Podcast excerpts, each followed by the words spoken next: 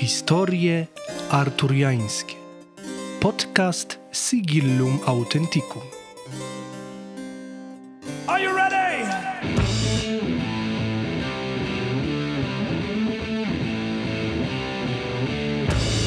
Opowiadam i rozmawiam o takiej historii, która interesuje mnie najbardziej. Zapraszam.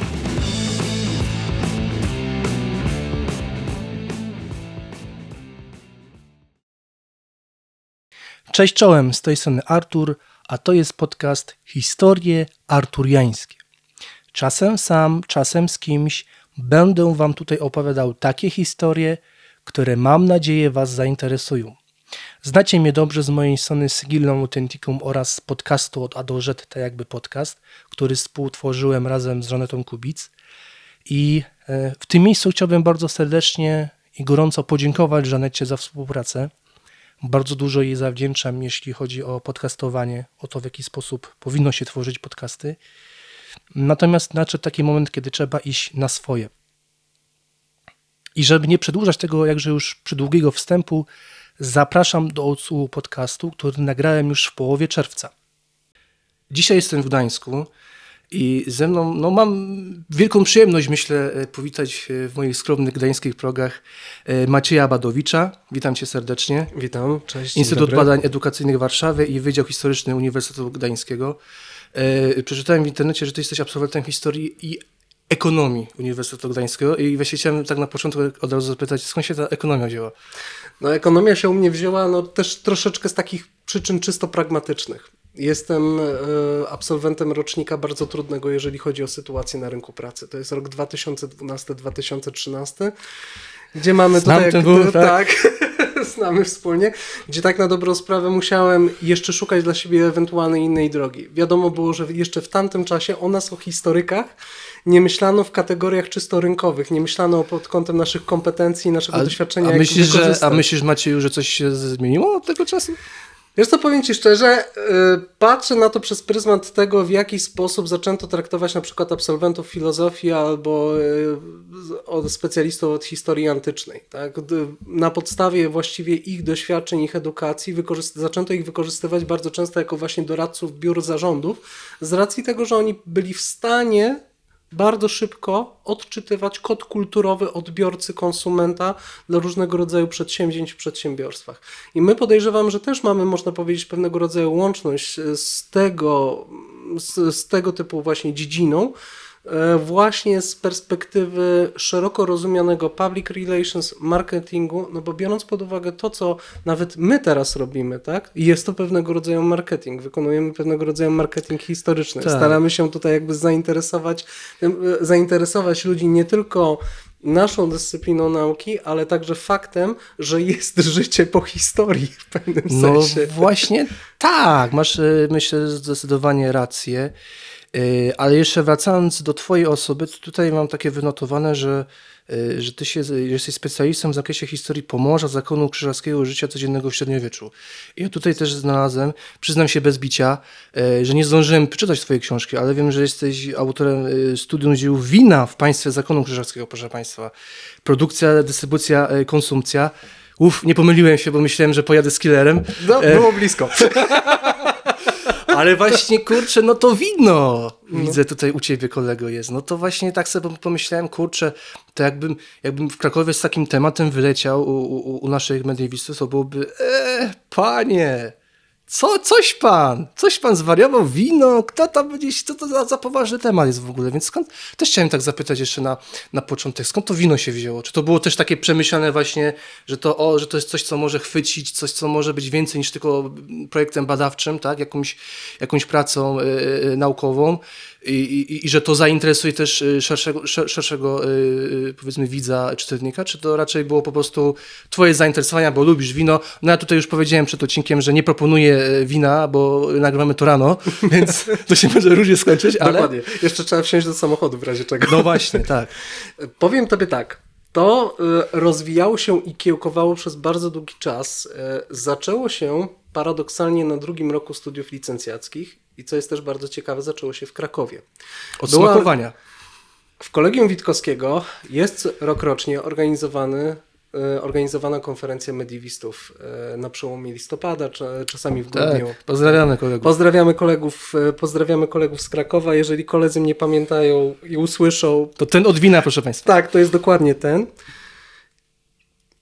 Pewnego po prostu pięknego popołudnia poszliśmy do jednego z kolegów wieczorem do domu. Akurat tak się impreza nam rozkręciła, że zaczęliśmy przeglądać przez wyszukiwarkę różnego rodzaju biblioteki narodowe. I trafiłem akurat sam przez przypadek na Bibliotekę Narodową w Paryżu i na dokument łaciński dotyczący tak na dobrą sprawę pielęgnacji winorośli. I można powiedzieć, że to był pewnego rodzaju impuls. E, Szukałem, potem weryfikowałem, czy w ogóle w jakimkolwiek, jakiejkolwiek publikacji ten dokument został u nas w Polsce w jakiś sposób zedytowany, zredagowany. Wiadomo, no byłem studentem drugiego roku, no to jeszcze takiego pojęcia tak na dobrą sprawę nie miałem. Do tej pory uważam, że tak zresztą jak jeden z moich mentorów mówi, że dopiero po habilitacji coś się wie. I to jest, można jeszcze długa droga przed tobą. tak, tak jest, więc to jest jeszcze takie zasadne stwierdzenie. I od tego momentu, jakby od tego dokumentu zaczęła się taka ścieżka. E, Starałem się go zedytować, zredagować na potrzeby swojej pracy licencjackiej, bo wiedziałem, że w tym kierunku pójdę.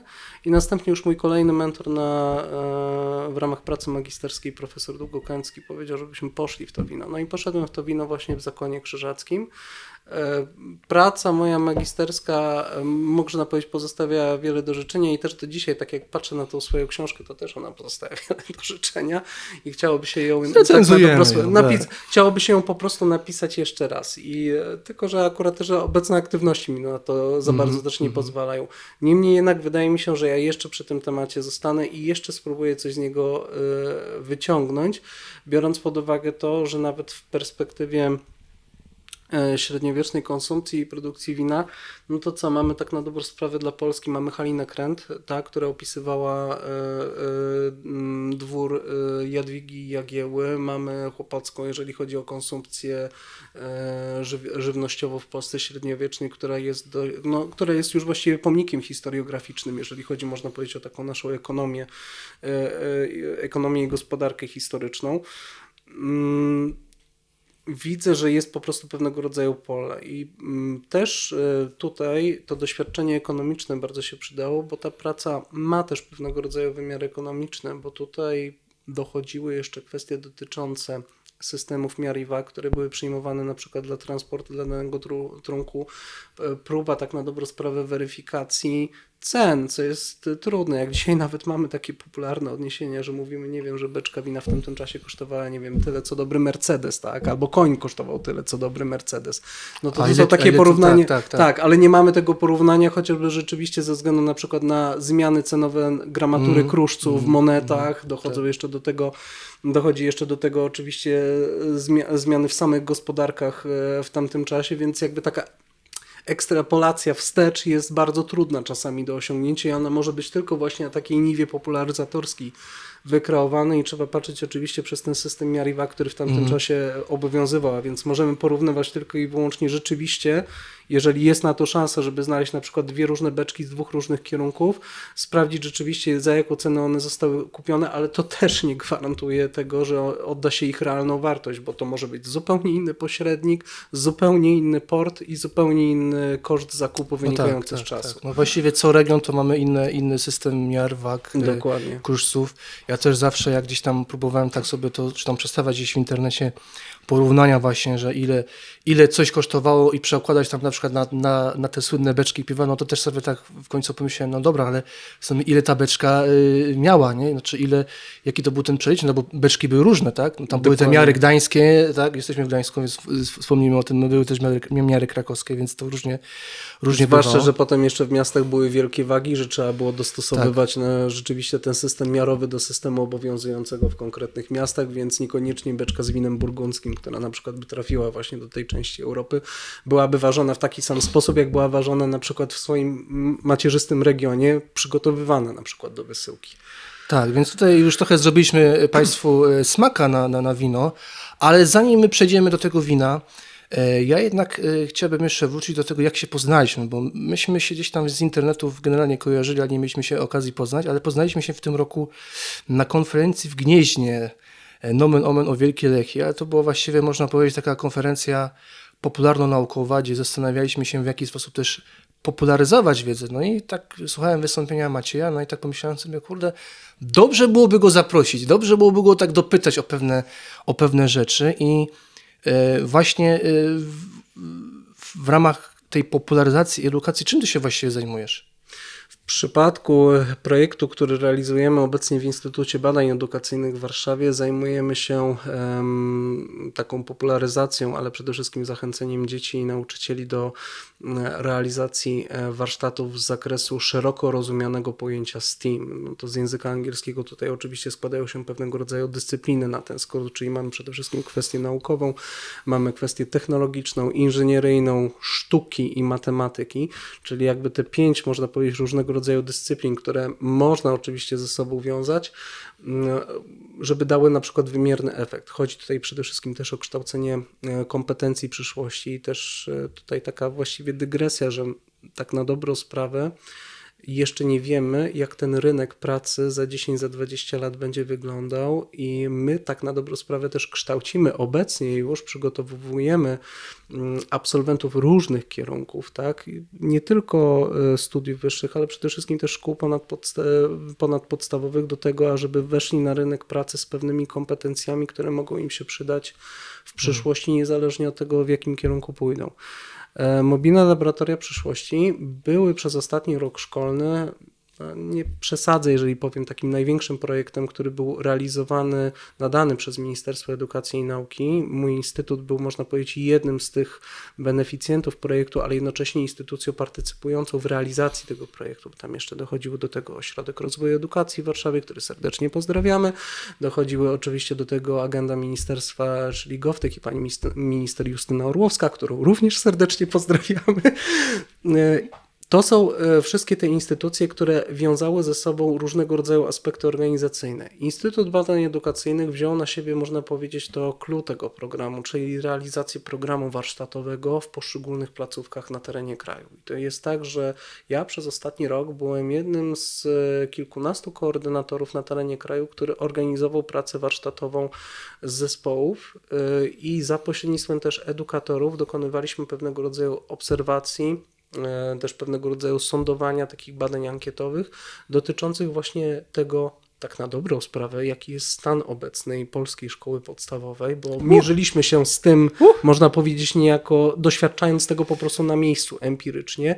Mierzyliśmy się e, też e, z pewnego rodzaju trudnościami technicznymi, które na przykład mają po mhm, prostu swoje, tak. swoje placówki, ale przede wszystkim clue naszego programu było to, ażeby dzieci, niezależnie od tego, z jakiej miejscowości są, czy z, powiedzmy z e, Małego Kalisza w powiecie kościerskim, czy z Bożytuchomia, czy z z Gdańska, Sopotu, Słupska, Nowej Wsi Nęborskiej, żeby te wszystkie dzieci miały możliwość chociażby przez krótki czas doświadczenia technologii, które są obecnie tak na dobrą sprawę użytkowane w przemyśle. Druk 3D obecnie nie jest już też tak na dobrą sprawę niczym nowym, ale jest to też kompetencja przyszłości, bo w tym kierunku będzie szedł rozwój. E, zajęcia z zakresu e, mikrokontrolerów i funkcjonowania po prostu pewnych złączy też są kompetencją przyszłości. No, na tym się też opierają tak na dobrą sprawę różnego rodzaju systemy automatyczne. To, to, jest, to jest tutaj pewnego rodzaju konieczność. Rozszerzona rzeczywistość, proszę bardzo, Google VR, żeby pokazywać właśnie w wymiarze takim edukacyjnym, e, empirycznym, żeby dzieci mogły na przykład doświadczyć e, wrażeń z miejsc, które no, nie są dla nich namacalne do sięgnięcia ze względu na odległość chociażby geograficzną. Dzieci w tym momencie mogą na przykład zobaczyć Wielki Kanion w Colorado, będą mogli zobaczyć Wielką Rafę Koralową e, na oceanie. To są takie, można powiedzieć, też doświadczenia, które na nich bardzo mocno wpływają. Możliwość konstruowania robotów, proszę bardzo, no to mamy zajęcia z wykorzystywaniem nawet zwykłych zestawów klocków Lego do tego, żeby konstruowali swoje pierwsze konstrukcje. I to są te wszystkie kompetencje, które jakby składają się na mm, to pojęcie STEAMu, czyli na kompetencje, które poruszają jakby wewnętrznie u człowieka wiele obszarów mózgowych, można powiedzieć, inicjują te działania i powodują właśnie, że wiele, y, można powiedzieć, bodźców w tym momencie działa na danego ucznia, co też jednocześnie jakby zachęca ich do poszerzania wiedzy i do popularyzowania nauki jako, jako takiej. Z tym się mierzy też y, właściwie też projekt, mierzy się z tym, ażeby jednak podnieść ten poziom zarówno kwalifikacji technicznych, kwalifikacji, można powiedzieć, inżynieryjnych, ale przede wszystkim matematycznych już od tych najmłodszych lat zdajemy sobie sprawę, że bardzo często, no, nawet na obecnym rynku pracy, brakuje wielu specjalistów z wielu różnych dyscyplin, z wielu różnych dziedzin. I przygotowanie ich do takiego myślenia w, w charakterze bloko, wieloblokowym, nie mhm. tylko i wyłącznie za pośrednictwem jednej dyscypliny, jest jakby konieczne także z ich perspektywy, żeby weszli łagodnie na rynek pracy i mogli tak na dobrą sprawę ułożyć swoje własne życie. Czyli ten projekt jakby dotyczy generalnie szkół podstawowych, ale też jak rozumiem szkół średnich? Tak, y, jest plan, y, w którym następnym roku szkolnym y, wizyty mają się odbywać także w placówkach branżowych na poziomie szkół średnich, ponad dawniej szkół średnich, obecnie ponadpodstawowych E, również e, w liceach i jest także nastawiony na różnego rodzaju wydarzenia, które są e, związane z działalnością edukacyjną w różnych województwach, nie tylko tych, które są asygnowane przez ministerstwo, ale również tych, które są organizowane po na potrzeby mm. popularyzacji, mm. popularyzacji nauki. No tak właśnie słucham z wielkim zaciekawieniem, gdy opowiadasz o tym projekcie, co tam robicie. Ale tak się zastanawiam, y, jaka w takim razie będzie rola nauczyciela, bo wydaje mi się, że no okej, okay, jesteście koordynatorami, ale tam, jak rozumiem, y, kiedyś w przyszłości, tak, czy, czy, czy może teraz już, y, no ktoś tam na miejscu będzie musiał być, tak, czyli nauczyciel. No z tymi kompetencjami oczywiście mam nadzieję, że się tutaj nikt z nauczycieli nie obrazi, no ale jest różnie, tak, znaczy oni zazwyczaj mogą nie mieć takiej kompetencji, żeby potrafić obsługiwać tam, no nie wiem, załóżmy nie drukarkę 3D, czy, czy właśnie e, te wszystkie związane, ja to tak nazywam zbiorczo metaversum, ale, ale takie właśnie zaawansowaną technologię czy, czy właśnie, czy to się tutaj coś zmienia w takim razie, czy, by, czy to po prostu, czy to trochę nie jest tak, że wy chcecie zrobić rewolucję w szkole? Powiem w ten sposób. E, zdaję sobie sprawę, że e, jest wielu nauczycieli, którzy na przykład obawiałoby się w ogóle czasami dotknąć takiego sprzętu. Jest na pewno taka grupa, bo no, są takie osoby. Tak. Je, niekoniecznie technofobia, ale po prostu nawet zwykła obawa, która też może wynikać jakby z e, kwestii prawnych i kwestii organizacyjnych, tak. ale sam przyjazd pokazanie tego dzieciom, jak to funkcjonuje, powoduje już tworzenie takiego impulsu oddolnego. Nauczyciele, widząc, jak dzieci się przy tym bawią, stwierdzają, dobrze, to teraz trzeba przemyśleć to, w jaki sposób te technologie mógłbym wykorzystać do prowadzenia swoich zajęć edukacyjnych. I tutaj jakby rozbija się kolejna, kolejny aspekt kwestii przygotowania dobrej metodyki nauczania z wykorzystaniem tego sprzętu, który jest już zamówiony przez szkołę w ramach tej pierwszej fazy laboratoriów, kiedy szkoły kupowały po prostu sprzęt, e, zamawiały ten sprzęt na własne, na własne potrzeby względem swojego profilu. I potem jeszcze kwestia stworzenia dobrych oczywiście scenariuszy. Jest grono nauczycieli, to ci mogę zapewnić, jest grono nauczycieli w tym kraju, którzy są e, ewidentnymi pasjonatami nowych technologii. Bardzo często są to właśnie youtuberzy, podcasterzy, możemy, możemy ich spokojnie znaleźć. Już nie będę tutaj sypał, żeby nie robić im kolejnej krypto, kryptoreklamy, ale z wieloma z nich spotkałem się w marcu tutaj na takiej konferencji w Gdańsku, która była organizowana w ramach właśnie laboratoriów przyszłości dla praktyków. E, I nauczyciele, nawet ci, którzy nie byli do tej pory pasjonatami, widząc ten sprzęt, widząc to zainteresowanie, sami się zaczynają po prostu otwierać. Stwierdzają, e, na, że to mi się nawet podoba, że chcę z tego korzystać, ale też myślą w kategoriach tego, to może być mi za, jakąś, za jakąś chwilę potrzebne po prostu na zajęciach, że bez tego nie utrzymam czasami atencji uczniów na 45-minutowych zajęciach. Tą krzywą Gaussa na pewno zna, że ten spadek mhm. po 20 minutach w szkole następuje. Tak. I właśnie tutaj można zainteresowania u ucznia, jeżeli chodzi o zajęcia lekcyjne, właśnie podtrzymanie jakby tego zainteresowania też jest kluczowe. Myślę, że ten sprzęt może w jakimś sensie pomóc i dobra do tego metodyka. Ale też sobie tak pomyślałem y, o tych nauczycielach że w takim kontekście, no kurde, to te dzieci mogą lepiej ogarniać ode mnie. Y, wiesz, to, to wszystko, nie? Że w sumie, kurde, no, y, jakieś takie wykluczenie się tutaj może, może wkleić. Nawet, nawet takie myślenie, że, że, że w sumie już ten nauczyciel nie jest tak potrzebny, w sensie w takim, powiedziałbym, pojęciu stereotypowym, tak? Że po prostu to jest taki autorytet, tak? Nieskazitelny, on wszystko wie, on wszystko nam wytłumaczy, tylko no, okazuje się, że, że już przestaje taki być.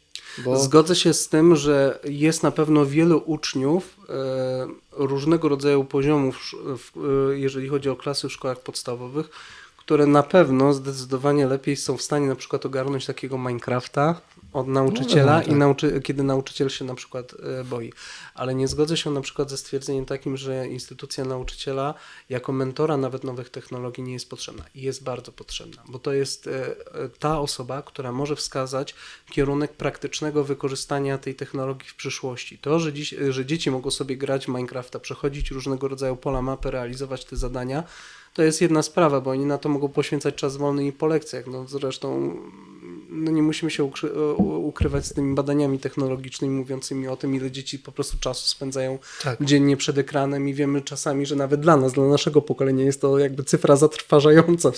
Znaczy, wydaje mi się, że Tak. to już jest taka proza życia, w sensie, że to już Dokładnie. nie powinniśmy na, na to patrzeć, że to jest jakieś e, zagrożenie, no tylko to już jest jakieś narzędzie, tak? No ja Jest. zawsze się oburzam, kiedy widzę na przykład u mnie na uniwersytecie, gdzieś tam sobie buszuję po, po, po e, programach zajęć i widzę na przykład u mnie w instytucie zajęcia, które się nazywają nowe media, tak? No ale Facebook, tak, media społecznościowe to nie są nowe media, tak, bo to, bo to są już jakby no, proza życia. Znaczy my z tego normalnie korzystamy, tak, korzystamy za przeproszeniem z toalety, czy robią sobie herbatę, tak, no to są, to są rzeczy, które są, tak, i, i nie powinniśmy tego traktować jako, jako coś, coś, jakąś super, super nowość, tak? Zgodzę się z Tobą, zobacz, mamy zresztą rok 2023, a więc wchodzi teraz, można powiedzieć, od przyszłego roku akademickiego na uczelnie wyższe wchodzi pokolenie z rocznika 2005, kiedy ten Facebook już istniał, nawet kiedy oni byli w kołysce. Tak? Tak, Więc tak. oni z tym Facebookiem rzeczywiście żyją, traktują to po prostu jako pewnego rodzaju No normalną w ogóle z, z komputerem, tak? Bo ja jeszcze Tak, pamiętam, dokładnie. y, jestem troszkę młodszy od ciebie, ale pamiętam, mam takie, wiesz, y, y, kombatanckie wspomnienia, że pamiętam świat bez, bez komputera, tak? Bez internetu, że dziś tam to jeszcze pamiętam. Albo to, że się siedziało przy komputerze we trzech na przykład. we Tak, bo tylko sąsiad, tak- bo tylko jeden sąsiad miał w bloku komputer, tak? Dokładnie No tak. I, się, I się czekało po prostu na swoją kolej, żeby z tego skorzystać. Albo jeszcze taki stary wynalazek jak kafejki internetowe, które już tak dobrą tak, sprawę no, są to już, słuchaj, tak. zanikły.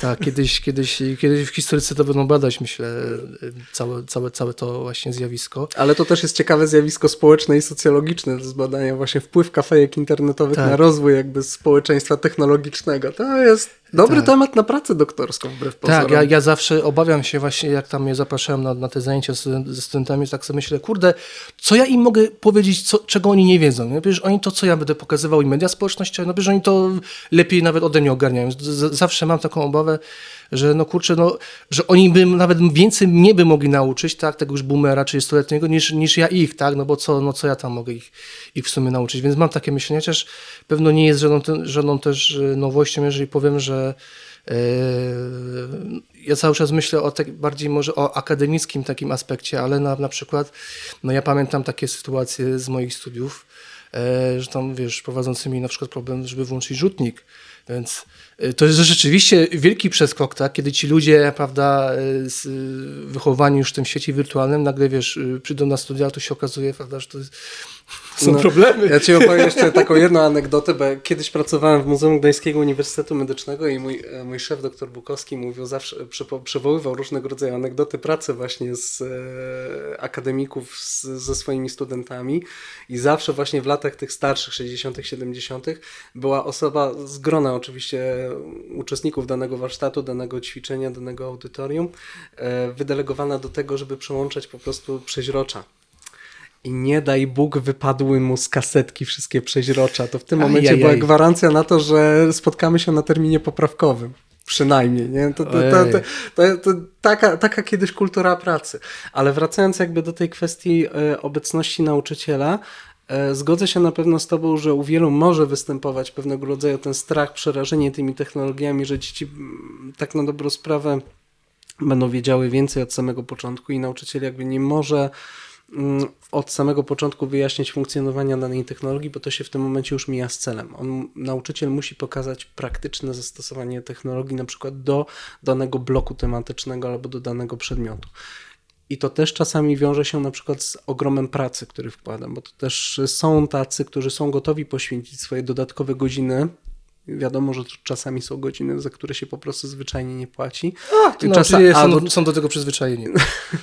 Myślę, chcia, chciałbym, żeby też im było z tego tytułu lepiej, ale są właśnie No też wiadomo. nauczyciele Tak. tacy, którzy z tego tytułu mogą też czerpać dla siebie nie tylko te korzyści e, materialne, ale też korzyści typowo niematerialne, wynikające po prostu z czystej satysfakcji, że udało się stworzyć coś, co można wdrożyć, co można, czym można te dzieciaki rzeczywiście zainteresować.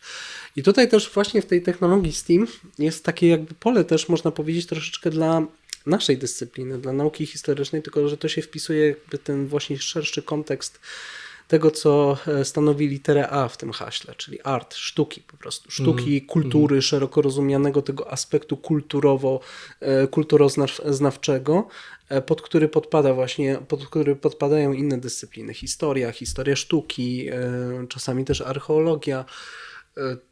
Tutaj akurat jeżeli chodzi o na przykład czasami mm, wersje na przykład edukacyjne, już wspomnianej wcześniej naj, najpopularniejszej chyba obecnie gry komputerowej, e, są również na przykład dedykowane czasami scenariusze do pewnego rodzaju zajęć blokowych, e, jeżeli chodzi nie tylko o matematykę, geografię, fizykę, ale także właśnie historię i szeroko rozumianą, e, szeroko rozumianą kulturę. E, sam fakt na przykład zastosowania drukarki 3D po to, żeby wydrukować jakiś e, model z filamentu mm, do danego przedmiotu. Na zasadzie pokazania nawet konstrukcyjnie, jak wygląda wieża Eiffla. To też jest, tak. no, która jest mm. No wiadomo, że nie jeden do jeden. No oczywiście, że nie jeden do jeden, by nie da rady. Chociaż powiem Ci szczerze, że ja ostatnio y, przecież już co ja tutaj będę krył w Amsterdamie, jest już most zbudowany z druku, mm -hmm. na, mm -hmm. na podstawie druku 3D. Obecnie w, chyba w Hamburgu, jeżeli się nie mylę, jest zbudowany bud cały budynek, e, biurowiec po prostu właśnie w technice, w technice druku 3D. Jeżeli się mylę, to, to przepraszam tutaj za przeinaczenie, ale to można to zweryfikować i sprawdzić.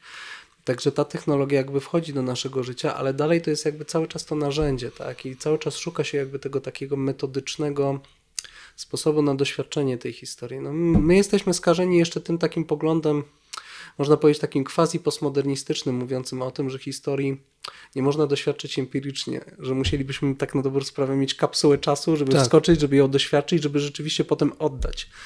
W wielu przypadkach e, prace historyczne czasami są budowaniem modeli teoretycznych.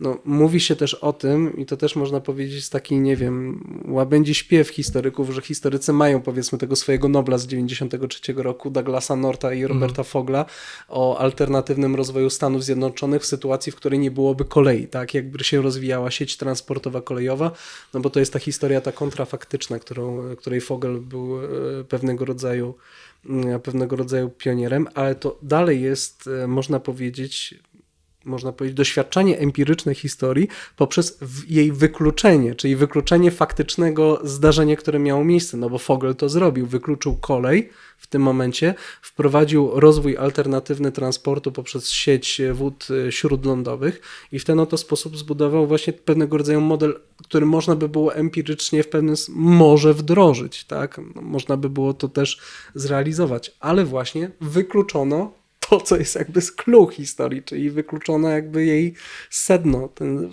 cały ciąg zdarzeń, ten cały, można powiedzieć, to całe przedsięwzięcie gospodarcze, historyczne dla Stanów Zjednoczonych. Więc tutaj jest jakby też trochę taka nasza bolączka w stosunku do tego, co, z czym my się obecnie mierzymy, że właśnie to doświadczenie nie możemy doświadczyć empirycznie, budujemy pewne modele te, e, teoretyczne, ale mamy pewnego rodzaju też swobodę korzystania z narzędzi. Wydaje mi się, że tutaj clue jest chyba, clue polega w metodyce metodyce zastosowania pewnego mhm. rodzaju przedsięwzięć. No nie no, tak właśnie słuchałem i tak sobie pomyślałem, że no przecież ten druk 3D to jest potężne narzędzie chociażby dla muzeów, tak, bo mogą zreprodukować te różne swoje zabytki, tak, które można wymacać, dotykać, nie wiem, gryźć, lizać, cokolwiek, prawda? i każdy to może dotknąć, tak, już w tym momencie. Słuchaj, ja przecież e, powiem Ci szczerze, ja też e, patrzę też na to z perspektywy kultury dostępności. No Ty jesteś stałym bywalcem pewnie Zamku Królewskiego na Wawelu, ja ostatnio okazjonalnie byłem tam byłem tam Słuchaj, na wbrew, po, wbrew pozorom największą grupą społeczną, która nie odwiedza Wawel są sami Krakusi, także spokojnie. Dobra, sprawy. W każdym bądź razie właśnie na Zamku Królewskim, można powiedzieć, doświadczyłem takiej bardzo dobrze mm, przygotowanej mm, mm. części wystawy, właśnie związanej z dostępnością, ale tym razem chodziło tutaj o kwestię dostępności dla osób niepełnosprawnych. Niemniej jednak można było rzeczywiście tej historii doświadczać. Dotknąć husarskiego szy- szyszaka, dotknąć e, miecza, spróbować coś ułożyć. Czy to zarówno w Zamku Królewskim na Wawelu, czy w Muzeum Czartoryskich w Krakowie. Już jakby ten elementy inkluzywne, które mogą wykorzystywać różnego rodzaju współczesne technologie po to, żeby nie oglądać eksponatu e, tylko i wyłącznie za szybą, są wprowadzane, więc już są osoby w polskich muzeach, które myślą w tych kategoriach. No i wydaje mi się, że są też osoby, które mogłyby z powodzeniem wykorzystywać tego pewnego rodzaju sprzęty. No oczywiście wszystko się sprowadza do tego, do, do kosztów, tak? No, pieniądze, do, tak, jak- jak- jak zwykle. To, tak, do, do szekli. No tak, tak, tak, dokładnie. Ale jeszcze właśnie wróćmy na, na chwilę do, do waszego projektu. No to, bo, bo tak staram sobie wyobrazić, na jakiej to zasadzie działa. Y, y, Zaczyna się lekcja historii, tak, już w tym momencie przychodzi profesor y, Maciej Badowicz, tak, i, i co? Jeżeli chodzi o te zajęcia nasze warsztatowe, to wygląda w ten sposób. Od strony organizacyjnej nie będę Ci tutaj e, też za wiele mówił, bo to jest jakby cały ciąg po prostu przygotowań harmonogramu e, zajęć przyjazdów, który wymaga również od strony szkoły No wiadomo, podjęcia pewnego oczywiście, wysiłku tak, tak. organizacyjnego. Tak, tak, z punktu widzenia ucznia, tak? Uczeń przychodzi, tak ma mieć lekcję historii i nagle pojawia się Warsztatowiec, koleś, tak, z zewnątrz dokładnie, który tak na dobrą sprawę robi wprowadzenie pewnego rodzaju zajawkę właśnie dotyczącą, e, dotyczącą nowej technologii i tego, jak można na przykład bardzo fajnie wykorzystywać drukarkę 3D. E, Z zależności oczywiście od posiadanego sprzętu, aktywizuje się po prostu grupę uczniów do pracy w tym momencie, do tego, żeby oni też od strony technicznej wiedzieli po prostu, jak na przykład załadować filament do tej drukarki, bo to też jest po prostu wielka obawa, tak? Żeby uważać na tą płytę grzeszu, żeby ona się po prostu nie nagrzała, żeby jej nie dotykać po prostu, żeby sprzęt stał w miarę możliwości stabilnie. To są wszystko takie aspekty czysto techniczne i można powiedzieć wynikające z zasady bezpieczeństwa i higieny pracy. No i potem przychodzi właśnie ten etap e, takiej lekcji właściwej, na zasadzie takiej, żeby pokazać, co można jeszcze wydrukować i do czego można po prostu zastosować. Przeprowadzenie na przykład jakiegoś scenariusza e, z wykorzystaniem mm, e, z wykorzystaniem programów do projektowania druku 3D. Dzieci im na przykład mogą w tym momencie, nie wiem, odpalić chociażby laptopa, odpalić e, taki program bardzo prosty jak Tinkercad i w tym momencie na przykład zaprojektować coś, co jest im w tym momencie potrzebne na przykład na daną lekcję, czy to geografii, historii, matematyki i tak dalej. I na przykład potem te projekty e, mogą być e, wydrukowane właśnie na drukarce 3D. Chociażby w ten, chociażby w, te, chociażby w ten deseń. Ale w, y, wtedy na tych zajęciach to się wszystko dzieje, czy... To, e, to się dzieje też e, między innymi na tych zajęciach. Albo w przypadku na przykład młodszych klas e, przygotowanie na przykład do projektowania w zakresie druku 3D, czyli na przykład układanie różnego rodzaju figur z klocków i pokazanie na przykład potem możliwości budowania modeli teoretycznych. E, Do tego e, dochodzi jeszcze kwestia na przykład e, chociażby na przykład zajęć z robotyki. Dzieci muszą w tym momencie na przykład nauczyć się pokonywania jakiejś trasy, programowania działania tego konkretnego robota. Na zasadzie nawet przemierzenia jakiegoś szlaku, przemierzenia jakiejś trasy na, na podstawie przygotowanego po prostu przez edukatorów, edukatorów scenariusza. Bądź też w przypadku zajęć z rozszerzonej rzeczywistości obejrzenie miejsc historycznych właśnie nie wychodząc tak na dobrą sprawę z klasy, z wykorzystaniem na przykład różnego rodzaju ćwiczeń, zadań, znalezienie jakiegoś charakterystycznego punktu na e, wykonanym obrazie, opisanie tego punktu. Próba takiego empirycznego doświadczenia kultury, próba takiego empirycznego doświadczenia historii. Czyli namacalnego, takiego po prostu, że... Tak. No to jest ciekawe, no to, to, no to tak jak powiedziałem, no wy po prostu staracie się wywrócić wszystko do góry nog- nogami. Czy to wywrócimy do góry nogami, to się okaże. Można powiedzieć, że w pewnym sensie y, to jest moje oczywiście subiektywne zdanie. Takim jakościowym sukcesem tego projektu na pewno będzie to, jeżeli za jakiś czas, za nie wiem, kilka lat, może już nawet za rok, za dwa, przesadzam, to jeszcze dzieci ze szkoły podstawowej, ale na przykład za jakieś, nie wiem, 5, 6, 7, no, no da, dajmy na to do dekady, objawi się nam w nauce inżynieryjnej, w nowych technologiach ktoś taki jak Robert Lewandowski w piłce nożnej, albo nawet w naukach historycznych z wykorzystaniem nowych mediów, nowych technologii, który powie, że do pomysłu, który on wdraża, zainspirowały go te laboratoria, że zainspirował go przyjazd też tych edukatorów i to, co potem jeszcze z tym robili na przykład w, w danej szkole. I z mojej subiektywnej perspektywy to będzie chyba największy sukces tego projektu. jeżeli właśnie takie Wiesz co, wydaje, wydaje mi się, że, że, y, że takie nazwisko mi się przychodzi do głowy, wiesz, to, to, to Badowicz, to, to, to, ono jest dobre, słuchaj, każdy je wymówi, nawet za granicą, jeżeli by, jeżeli by trzeba było, więc, Tak, więc można, no, można, można na bałkańsko przerobić też. Tak, Badowicz. Tak, tak więc to, Tak. Mhm. Jest, y, to jest rzeczywiście taka, tego życzę na pewno, ale tak się zastanawiam jeszcze, bo, bo, bo, bo ja też y, wiem, że się tym zagadnieniem interesujesz, czyli tak zwanym public history. Takie pojawiło się w ogóle ostatnio y, bardzo modne określenie w środowisku akademickim. I chciałem Cię zapytać, czy Ty w ogóle na przykład odróżniałbyś y, edukację od popularyzacji? Że edukacja to jest coś innego, a popularyzacja historii to jest coś innego? Czy jednak, czy jednak to jest właściwie to samo?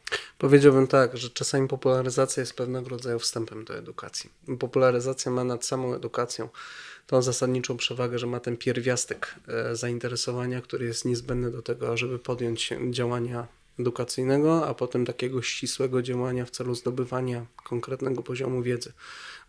Można powiedzieć, że jest to taki klasyczny taki model teoretyczny, że zainteresowanie jakąś zainteresowanie jakimś aspektem, jakimś wyimkiem dyscypliny powoduje zgłębianie potem tej dyscypliny i kolejnych obszarów blokowych, można powiedzieć, które wchodzą w to skład. No, tak się rozwijają po prostu też nasze, nasze do, dotychczasowe zainteresowania różnego rodzaju e, naukami.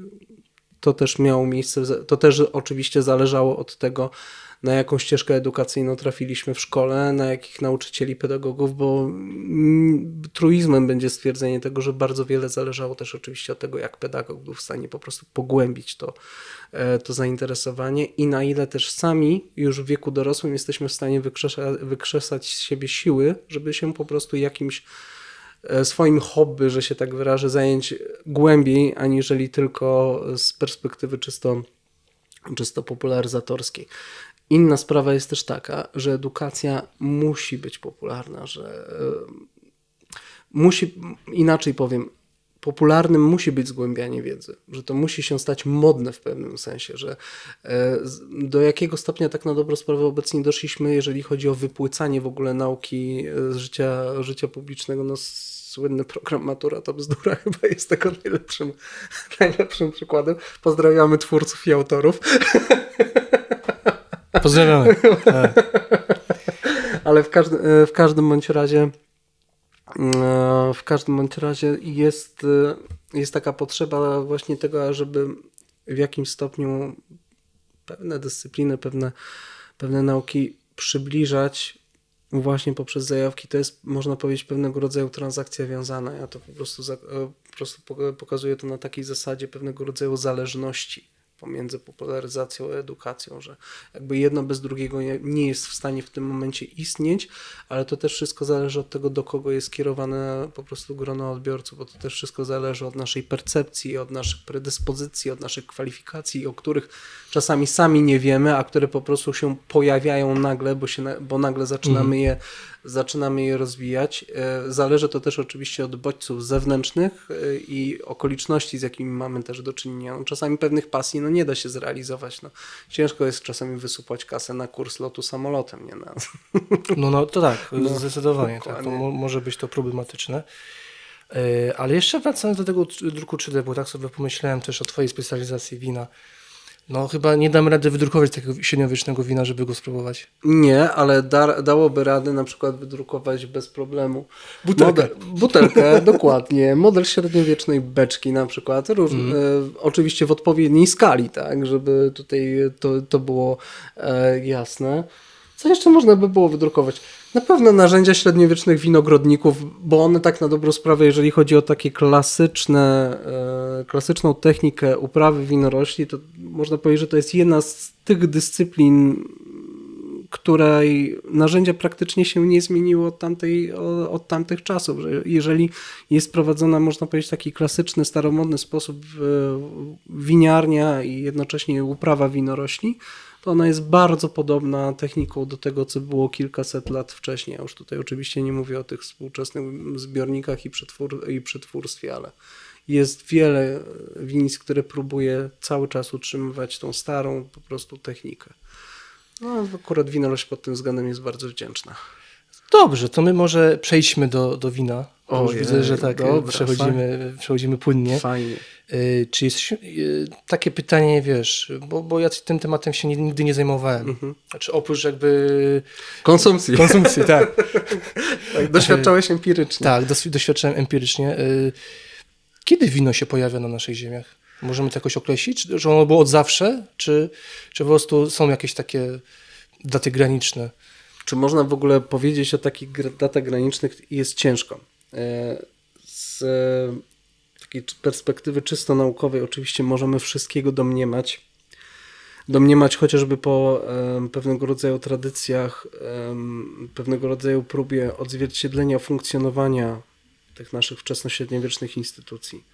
Możemy domniemać tego na przykład, że z racji chociażby ślubu mieszka z Dobrawą, ojciec No, Bolesław Strogi musiał no, coś przygotować no na przykład w darze, albo doszło do jakiejś wymiany.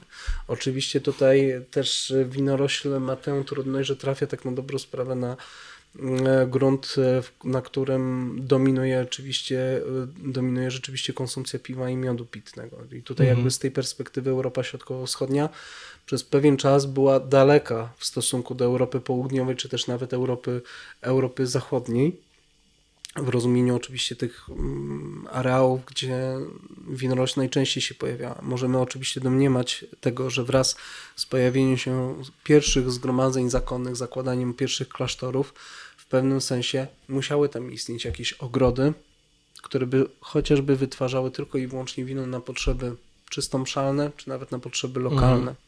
No właśnie. E, Tutaj oczywiście też e, można powiedzieć pod wątpliwość, można poddawać wszelkiego rodzaju e, na przykład dekretacje, czy też nadania podpieski zatwierdzające na przykład posiadłości klasztorne, bo trzeba pamiętać, że papieże bardzo, no, jakby przyjąć tą perspektywę myślenia, no to oni patrzyli perspektywą Europy Południowej, więc ja, kiedy ja na przykład czytam o dekrecie papieża Honoriusza dla klasztoru cysterskiego tutaj nieopodal w Oliwie, gdzie on wymienia między innymi właśnie ogrody i winnice, a winnice właściwie mogłyby się znajdować tylko i wyłącznie właściwie na takim bardzo niewielkim skweru, skwerze, który był o- ogrodem klasztornym.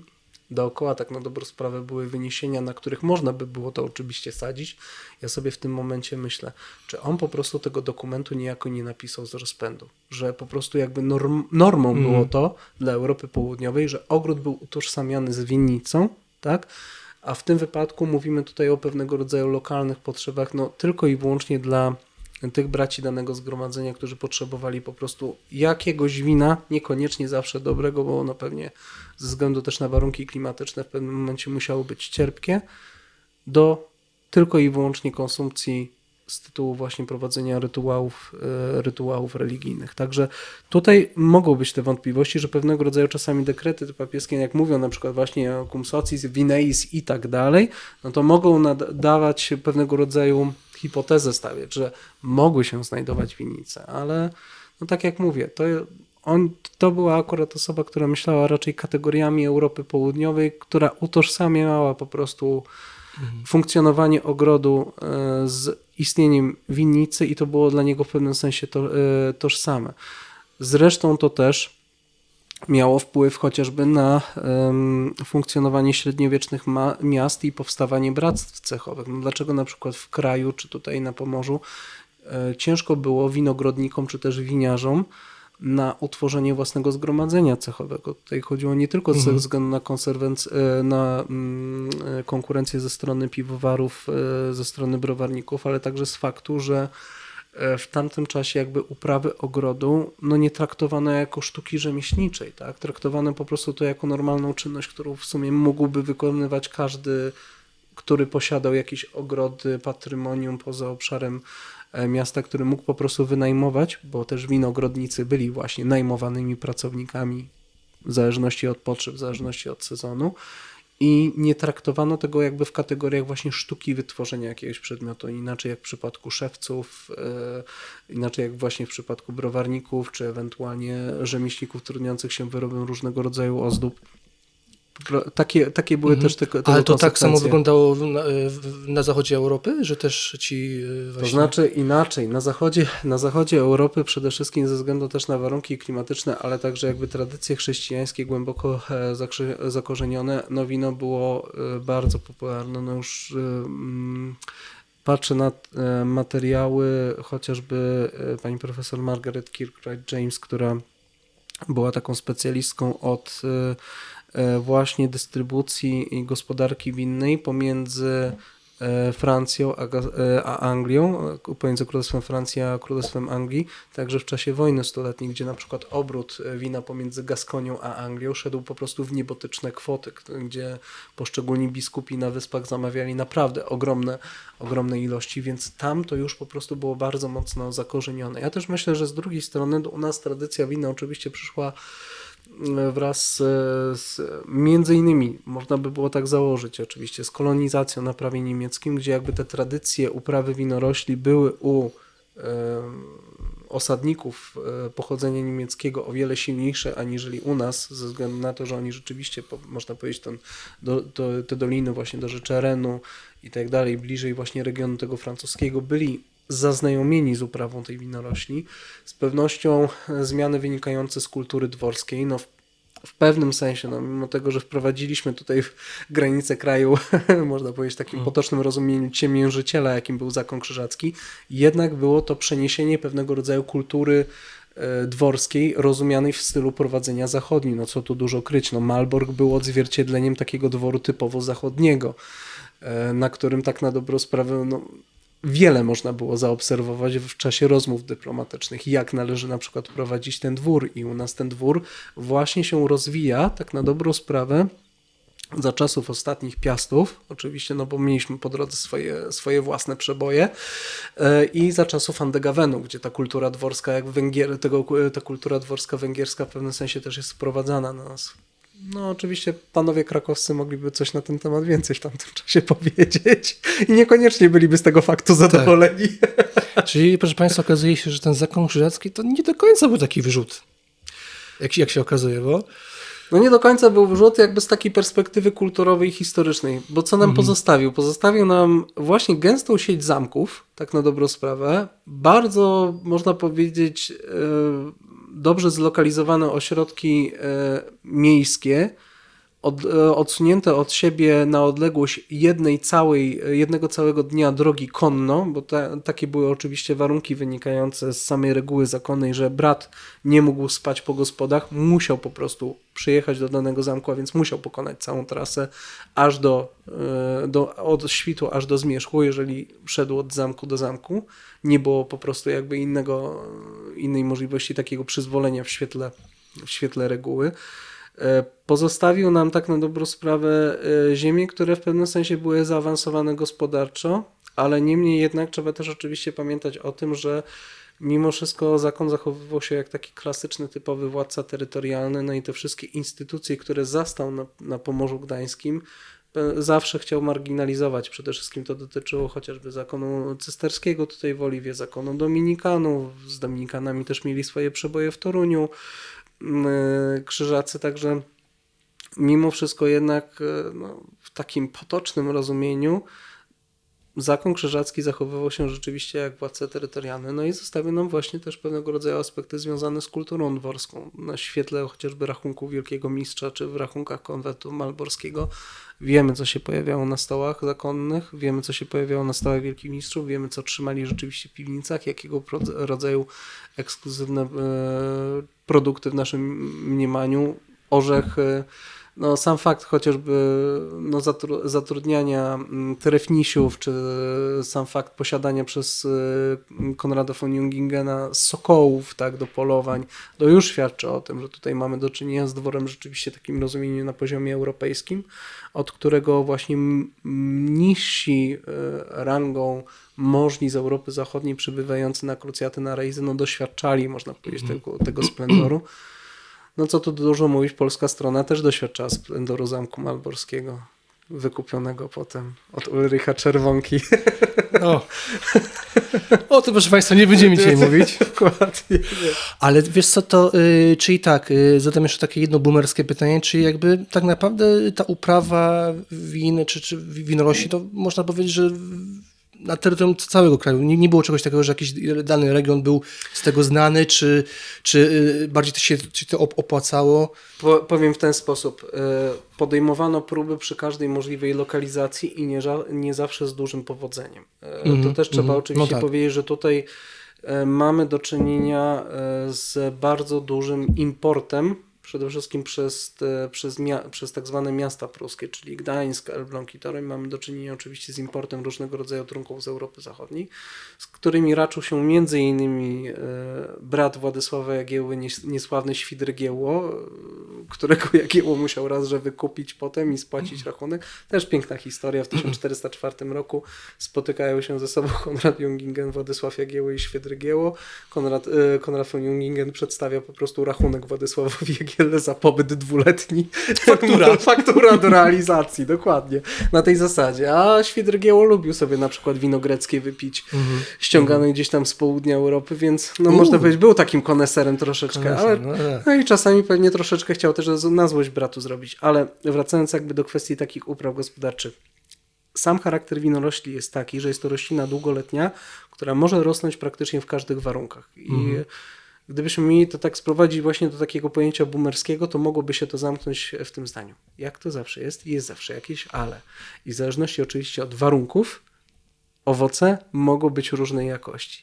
Jest taki przekaz e, z czasów wojny 13-letniej, kiedy próbuje się kiedy w, w Inflanta, kiedy jeszcze zakon krzyżacki funkcjonuje, jest kierowana prośba e, do wielkiego mistrza już wtedy urzędującego w e, Królewcu, czy aby jeszcze nie ma w swoich zapasach beczek e, wina, które były, można powiedzieć, pochodnymi z upraw w części Kujaw ziemi dobrzyńskiej w tamtym czasie. Głównie chodziło przede wszystkim o to wino toruńskie, o którym o którym już też e, historycy z Uniwersytetu Mikołaja Ko- Kopernika dużo na ten temat e, pisali, przede wszystkim profesor Tandecki, jeden z recenzentów mojej pracy. Znana postać, tak. Tak, Pozdrawiamy. I profesor, i profesor, i to była też, e, jeżeli dobrze kojarzę, artykuł, i to była jedna też z prac dyplomowych pana profesora, jeżeli chodzi właśnie o to wino toruńskie. I padło hasło właśnie, czy wielki mistrz nie ma przypadkiem jakiejś właśnie beczki toruńskiego wina, gdyż nasze wino, które jest tam robione w inflantach, jest tak kiepskiej jakości, że nie da się go po prostu wypić. Jakbym miał to po prostu w taki sposób dosłownie przetłumaczyć, no to jest to rzeczywiście świadectwo tego, że jakąś próbę wino, e, uprawy winorośli podejmowano w różnych regionach, ale niekoniecznie ona wychodziła. Mało tego, oczywiście zakon był na tyle dobrze zorganizowany gospodarczo, że można było w tych lokalizacjach, które słynęły z pewnego rodzaju upraw, wydzielić pewnego rodzaju parcele na potrzeby innych konwentów. I tak też było właśnie w Toruniu, gdzie mamy na przykład wydzieloną parcelę nie tylko na potrzeby Wielkiego Mistrza do Zamku Malborskiego, ale także na potrzeby e, konwentu królewieckiego, czy też potrzeby e, marszałka, bo jest rzeczywiście zapis, że ta, ta konkretna parcela, która z tego co pamiętam, przepraszam Torunian tutaj za, za mój błąd, ale wydaje mi się, że to było chyba na Przedmieściu Jakubskim, że tam była właśnie parcela wydzielona dla, dla e, konwentu królewieckiego i tam właśnie wi- winogrodnik był opłacany niejako jakby z tych funduszy, bo wino szło na potrzeby tego konkretnego zamku. Czyli próbowano, nie wychodziło, to próbowano właśnie w ten sposób finansowy, organizacyjny, w jakiś sposób tą dystrybucję rozprowadzić. E, Wino krajowe, można dosłownie to przetłumaczyć, Landwein, bo takie poja- m, stwierdzenia chociażby pojawiają się w księgach Podskarbiego Mal- Malborskiego za ten okres do czasu Wielkiej Wojny. E, Jest właśnie to pojęcie Landwein, Landwein, czyli wina krajowego, zdecydowanie przegrywa z e, tym winem importowanym, jeżeli chodzi tutaj o preferencje, można powiedzieć, czysto takie smakowe. Chociaż jest prawdopodobnie okres e, za lata 80. i 90. XIV wieku, kiedy następuje taki pewnego rodzaju okres skoku temperatury i utrzymania na dosyć wysokim poziomie, a winorośl jest taką rośliną, która potrzebuje stałej temperatury przez długi czas do wzrostu, przyzwoitej temperatury, na poziomie właśnie 24-25 e, stopni. gdzie rzeczywiście można powiedzieć te pola na, pod Toruniem, czy właśnie w rejonie Kujaw e, obrodziły, można powiedzieć, winorość do tego stopnia, że wysyłano wysyłano do innych zamków, a czasami nawet na eksport. Jest taki zapis e, dotyczący rajc gdańskiego Hermana van der Halle, który przybywa w faktorii hanseatyckiej w Sztokholmie. To są te czasy, kiedy nad Morzem Bałtyckim jest taka walka o dominium Maris Baltici pomiędzy Małgorzatą Dońską, Szwecją, Zakonem Krzyżackim. E, różne interesy się w tym momencie splatają. No właśnie w tym momencie obejmują e, z rąk Albrechta Mecklenburskiego obejmują faktorię, w, e, utrzymują Sztokholm i właśnie do faktorii hanzeatyckiej jest zamawianych bardzo duża ilość, bo w łasztach mierzono, e, w łasztach mierzone wino wino toruńskie, więc jakby to już samo świadectwo pokazuje nam, że w tym konkretnym okresie pod koniec XIV wieku rzeczywiście temperatura była na tyle dobra, że winnice obrodziły po prostu w ten konkretny owoc. A jeszcze jakbyś wyjaśnił łaszcz. Łaszcz? Co to jest? Łaszcz to jest, to, to, to, jest przede wszystkim miara, która służyła do mierzenia towarów sypkich, przede wszystkim zboża. My ją znamy przede wszystkim mhm. E, z systemu miar dla towaru sypkiego, który był sprowadzany z centralnej Polski, chociażby do Gdańska w ramach spływu flisem. W takim, można powiedzieć, szacunkowym, moim prostym przeliczeniu na litry, gdybyśmy mieli to przeliczać na litry, żeby dać tutaj pewnego rodzaju jakiś obraz, który niekoniecznie może być wiążący i realny, bo łaszcz łasztowi mógł być nierówny, około 1200 litrów, więc w przypadku y, mierzenia tego, jeden łaszcz 1200 litrów, więc tutaj mamy ponad, no mamy jeszcze blisko 6000 litrów, przeliczeniu to na takie klasyczne beczki, takie klasyczne fasy niemieckie, które sięgały około 20, 200 litrów, no to w tym momencie mamy prosty podział 300 beczek, tak. Y, uh, no tak. No, to można czekaj, pić. Nie, dobrze mówię, 200, 200 y, czekaj, około 200 litrów dzielone na tak, Do, żeby, żeby teraz matematyka nie padła mi. 30 beczek, przepraszam. 30 beczek. 30, nie 300, przesadziłem 30 beczek. No, to i tak jest dosyć duża, duża ilość, no bo to jest w sumie co? Jeden duży statek, tak na dobrą sprawę. Mhm. Trochę już powiedziałeś o tym, ale y, y, gdybyśmy jeszcze mogli trochę pognębić ten temat. Y, czy były jakieś takie popularne rodzaje jakichś win konkretnych, na przykład, nie wiem, czy one są jakoś wymieniane, nie wiem, słodkie, półsłodkie, wytrawne, coś takiego, czy, czy, czy, czy jakieś, no mówiłeś o krajowych, mm tak, y, że, że określano tam, ale czy właśnie w źródłach y, jeszcze jakieś takie, coś, co może ciebie zaskoczyło, tak, y, z tych właśnie rodzajów tych, tych win? Powiem w ten sposób, jeżeli chodzi o kwestie smakowe, nie da rady tego odróżnić w źródłach o, charakter, o charakterze rachunkowym.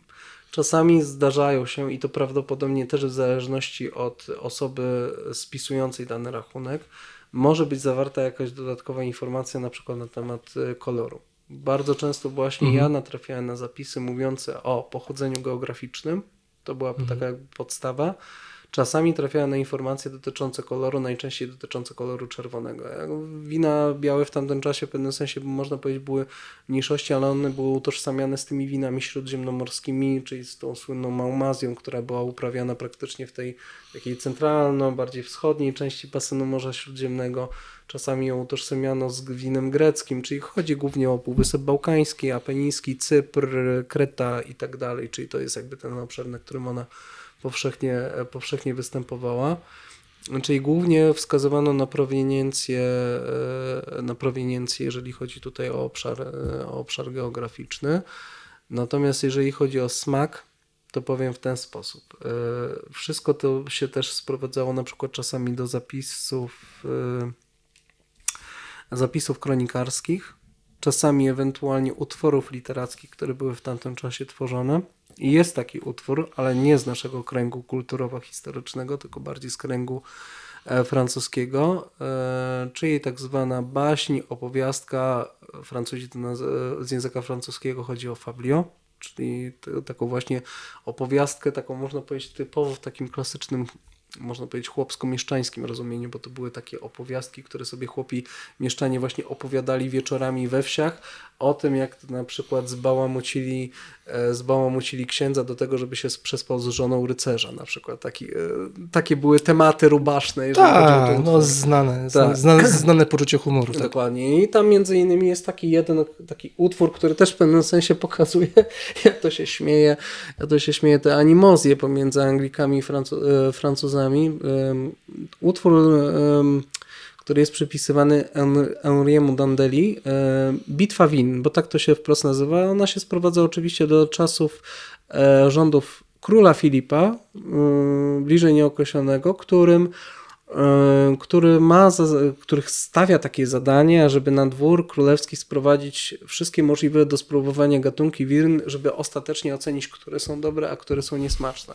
I sędzią w tej sprawie jest angielski ksiądz, któremu cały czas się nalewa, na zasadzie takiej, żeby pokazać, jaki on jest rubaszny, jakim on jest obżartuchem, piłusem i tak dalej, i żeby go wreszcie ulokować gdzieś tam pod stołem.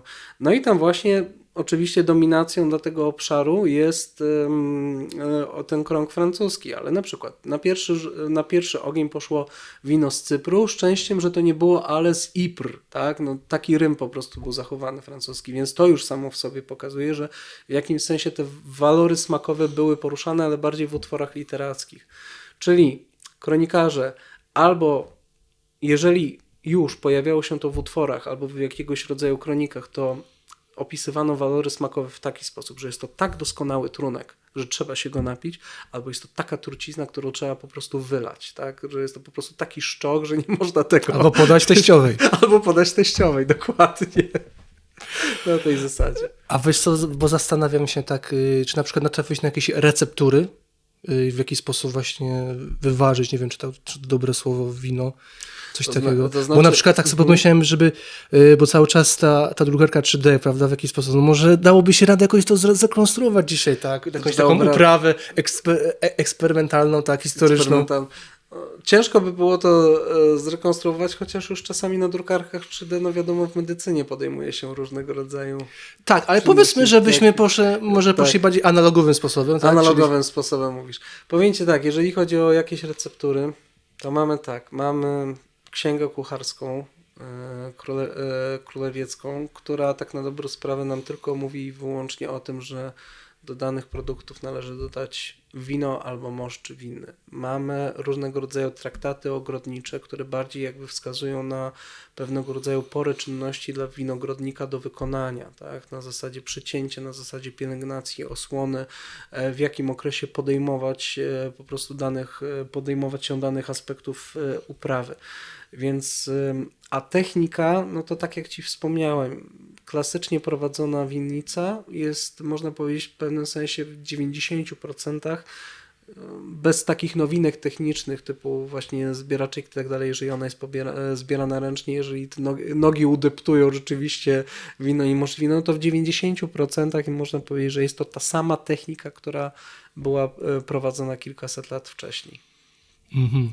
Czyli, no, czyli, czyli nie bardzo. Czyli nie bardzo, no ciężko. Tak samo ciężko by było odtworzyć walory smakowe tego trunku kilkaset lat wcześniej, no bo to też trzeba się mierzyć oczywiście z tym, że no pewnego rodzaju odmiany mogły wymrzeć po prostu bez naszej wiedzy, tak? Mogły po prostu i pochodne, tak zwane córki, które były implementowane w różnego rodzaju częściach Europy, przynoszone były po prostu te sadzonki, no mogły po prostu nie przetrwać próby czasu. E, Kiedyś Towarzystwo Naukowe w Toruniu, jeszcze w czasach zaborów, próbowało na przykład e, w czasach swojego istnienia, e, ale mówię o tym towarzystwie jeszcze sprzed TNT, tak, czyli sprzed tego obecnego, próbowało odtworzyć właśnie tą tradycję uprawy winorośli w Toruniu. I zasadzili oczywiście, winnic, przygotowali winnicę, zasadzili winorośl, ale po kilku latach ta winorośl, ta winnica po prostu padła ze względu na to, że oni sami specjalnie nie mieli doświadczenia w pracy po prostu, a chcieli jedynie otworzyć ten, warun- ten walor kulturowo-historyczny, co też pewnie i tak było trudne, więc no tak jak mówię, trunku sprzed, e, sprzed kilkuset lat już raczej nie spróbujemy, możemy tylko i wyłącznie się domyślać jego jakichś walorów smakowych, Ze względu oczywiście na warunki klimatyczne, ze względu na rodzaje sadzonek, ze względu na to, co się jeszcze po drodze stało z tą tak zwaną małą epoką lodowcową, kiedy na przykład w wielu winnicach trzeba było po prostu jakby pracę rozpoczynać kompletnie od nowa, jakby zmieniać też mm, kompletnie jakby profil działalności. Wszystko to się sprowadza do tego, że w wielu przypadkach nie jesteśmy w stanie tego odtworzyć. Czyli zostaje nam jakby konsumpcja wierząca. Tak, tak, dokładnie. To, Moż- co możemy, to, co, to, co, no, co możemy kupić dzisiaj. To co, możemy, to, co możemy kupić i możemy się tylko zrzymać właśnie na to, że pozostała nam pewnego rodzaju tradycja kulturowo-dworska picia tego trunku i jakby zachowania po prostu etykiety przy stole, no bo to jest też właśnie tego świadectwo, jak ten trunek funkcjonował. No właściwie do czasu kiedy? Do, do czasu, kiedy w dużej mierze wyparło wino, y, herbata i kawa jako ten taki napój towarzyski, traktowany jako napój towarzyski, no ale to już są czasy właśnie nowożytne, czasy, kiedy e, młodzi adepci różnego rodzaju gimnazjów akademickich, uniwersytetów po odbyciu e, szkół ruszali w różnego rodzaju podróże mające ich wykształcić, więc mamy ten XVII-XVIII wiek, kiedy właśnie obok wina tamtym czasie na stół trafia herbata albo kawa wieczorem, czyli można powiedzieć, no tak jakbyśmy dzisiaj pili kawę i likierek na przykład wieczorkiem, tak? no tak, dokładnie tak. W tym momencie wino staje się takim bardziej kwiatem do kożucha, a kawa i herbata zyskują popularność jako te napoje towarzyskie. Dobrze Macieju, bo ja myślę, że już sporo o tym winie y, opowiedziałeś, narobiłeś sporego smaku, myślę, i nie, nie tylko w kontekście wina, ale też myślę w kontekście nowoczesnej, nowej y, technologii i edukacji. Y, no ja Ci na pewno życzę, żeby, żeby, żeby ten projekt wypalił i żeby on był rozwijany i żeby, kurczę, no y, Tak, ten kaganiec oświaty, kaganiec po podkreślam, projekt, był, był, za, projekt, był zaprowadzany. projekt zdecydowanie potrzebuje kontynuacji, potrzebuje tej kontynuacji no, w perspektywie no, dalszych kilku lat, co tu dużo kryć. No, jeden rok szkolny to jest tylko tak na dobrą sprawę wstęp, to jest tylko taka, taka zajawka. Takie liźnięcie właśnie, Dokładnie takie, takie tak. właśnie spróbowanie wina Dok- i... Dokładnie tak, ale żeby jeszcze potem zachęcić do tego odbiorców, żeby korzystali potem z tego sprzętu, no potrzeba jeszcze czasu. Każdy projekt dobrze rozwijany musi potrwać swoje. I tego Ci życzę i mam nadzieję, że się jeszcze będziemy mieli okazję spotkać. E, Być może w podcaście za, za jakiś czas, wtedy już po prostu przyjdzie właśnie Robert Lewandowski po prostu edukacji historycznej w Polsce i, i, i być może wtedy będę musiał Ci faktycznie zapłacić za to, żeby się tutaj się pojawił w tym programie. Słuchaj, wszystko jest możliwe, no. Ale w reklamach nie będę występował raczej. Słuchaj, no zobaczymy. Słuchaj, ja, ja, ja tu widzę pewien, pewien potencjał. Dobra, bardzo się cieszę. Dzięki Ci piękne. Dziękuję. Jeśli spodobał Ci się ten odcinek, koniecznie zasubskrybuj podcast. Więcej moich treści znajdziesz na stronie sigiluauthenticum.pl oraz na profilach na Facebooku, Twitterze, Instagramie, TikToku i LinkedInie.